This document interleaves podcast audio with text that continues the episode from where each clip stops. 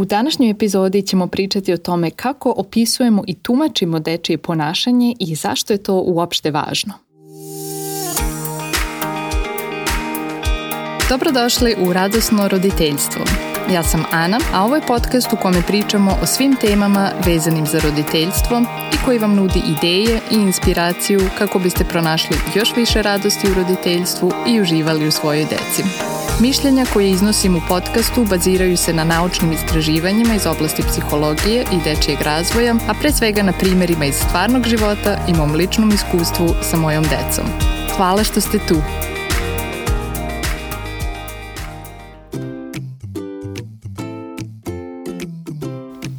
Često se desi da ni ne razmišljamo o tome kako opisujemo i kako mislimo o nečemu što se desilo. Nečemu što je naše dete uradilo ili nije uradilo ili reklo i ne obraćamo pažnju na to koje reči koristimo i kako gledamo na tu situaciju.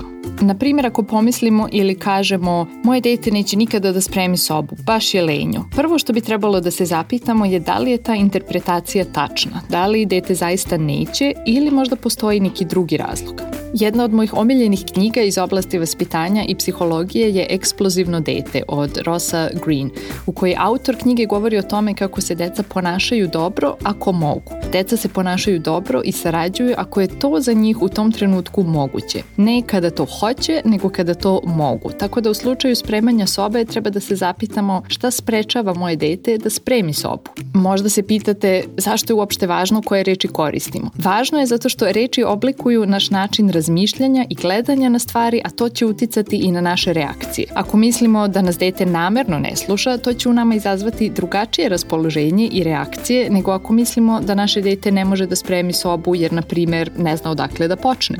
U tom slučaju ćemo verovatno razmisliti kako da mu pomognemo i taj zadatak ćemo možda raščlaniti na manje korake.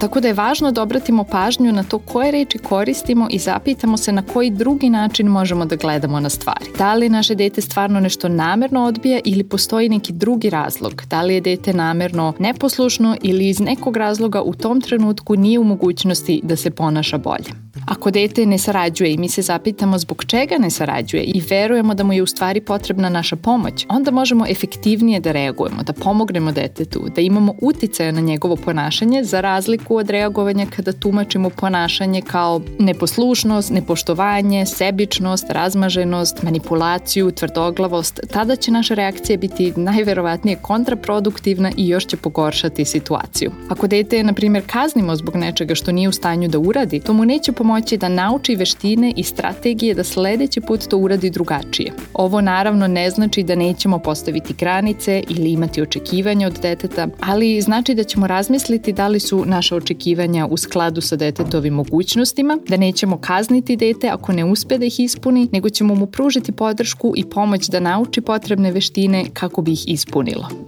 Ako dete ima poteškoća da uradi domaći zadatak i mi mislimo da je dete lenjo i nemotivisano, to će uticati na naš pristup detetu i verovatno nećemo moći adekvatno da mu pomognemo, nego ćemo još više pogoršati situaciju.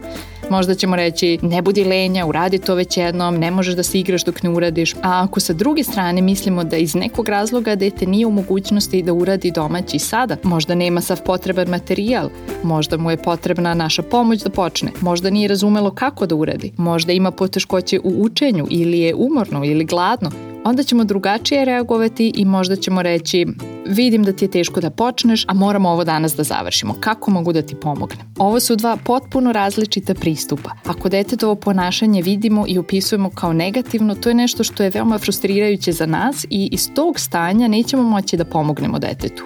Ako to isto ponašanje vidimo kao nešto u čemu je detetu potrebna naša pomoć, onda ćemo imati razumevanja, bit ćemo empatični, dete će osetiti da smo na njegovoj strani i da zajedno možemo to da rešimo.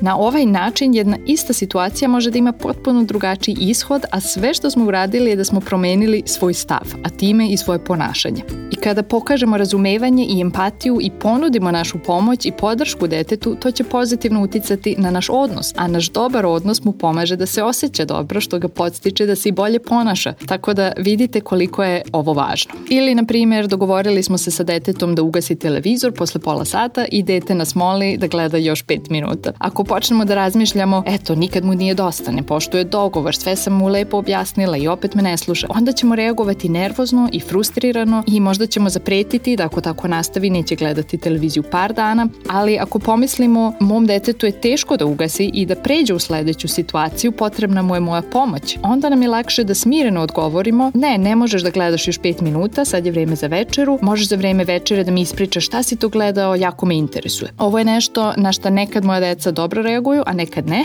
nekad imaju burna osjećanja i to je takođe nešto što očekujem. Ponekad mislimo da ako smo se dogovorili sa detetom u napred, ako smo se povezali pre nego što smo postavili granicu, ako smo mu objasnili razloge, ako smo smireni, da će se dete složiti sa našom granicom i neće biti negodovanja ili jakih osjećanja. Međutim, to nije tako. Dete ne reaguje uvek onako kako mi to očekujemo i u tom trenutku ponovo imamo izbor kako interpretiramo dečije ponašanje. Ako mislimo da je bezobrazno ili razmaženo i da smo mi isprobali sve tehnike mirnog roditeljstva, a ono nas i dalje ne sluša, onda će naša reakcija biti mnogo drugačija nego kada mislimo da su detetu teške prelazne situacije, da ima jaka osjećanja i da je to u redu. Nije nikakva pretnja za nas ili opasnost, možemo sa time da se nosimo i da ostanemo smireni, sigurni i dosledni. Evo još jednog primjera. Mi spremamo večeru i čujemo da se u drugoj sobi naša deca svađaju. Ako pomislimo, eto, opet se svađaju i ne mogu ni 5 minuta da se igraju same, ja ne mogu ni da skuvam večeru na miru, onda ćemo biti veoma frustrirani, ući ćemo u tu situaciju veoma nervozni, verovatno ćemo izgrditi decu i sada deca nisu ljuta samo jedno na drugo, već i na nas, što će promeniti celokupnu porodičnu dinamiku na gore. A ako mislimo deca se ne svađaju zato što namerno žele da me ljute, nego imaju problem koji ne mogu mogu sami da reše. Nemaju potrebne veštine, samoregulacije, rešavanja problema, komunikacije, potrebna im je moja pomoć. Onda će nam biti mnogo lakše da budemo smireni i da pomognemo deci da reše problem na najbolji mogući način. Ako tumačimo ponašanje kao nedostatak veština, to će nam otvoriti druge mogućnosti da pomognemo deci. Drugačije ćemo se postaviti, moći ćemo da se povežemo i da ih zaista nečemu naučimo. Ovo je naročito važno ako imamo dete koje možda nije neurotipično, koje sporije obrađuje informacije ili ima poteškoća sa pažnjom ili učenjem ili sa izvršnim funkcijama koje su potrebne za planiranje, formulisanje ciljeva, strategija, kontrolu impulsa, samoregulaciju ili mu teško pada da razume tuđe načine razmišljanja i kako njegovo ponašanje utiče na druge ljude. Često takvu decu opisujemo kao tvrdoglavu, bezobraznu, neposlušnu, razmaženu, sebičnu, mislimo da neće da se potrude, a u stvari se radi o deci kod kojih se određene veštine sporije razvijaju i kojima je potrebna dodatna pomoć.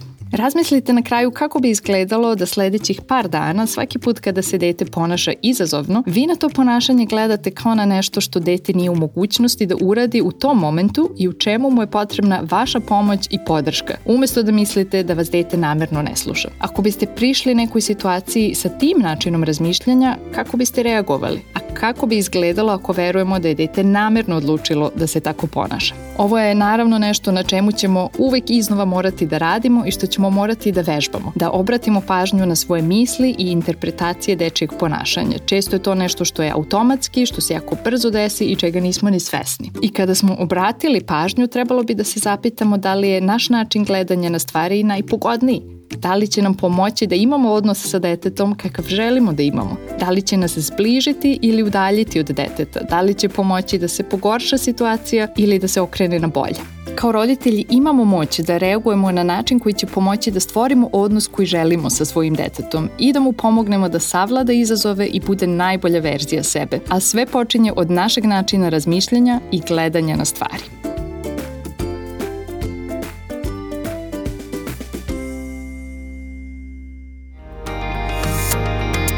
Hvala što ste slušali Radosno roditeljstvo.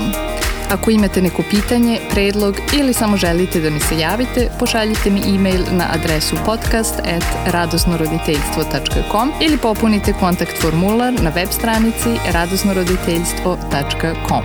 Čujemo se za dve nedelje.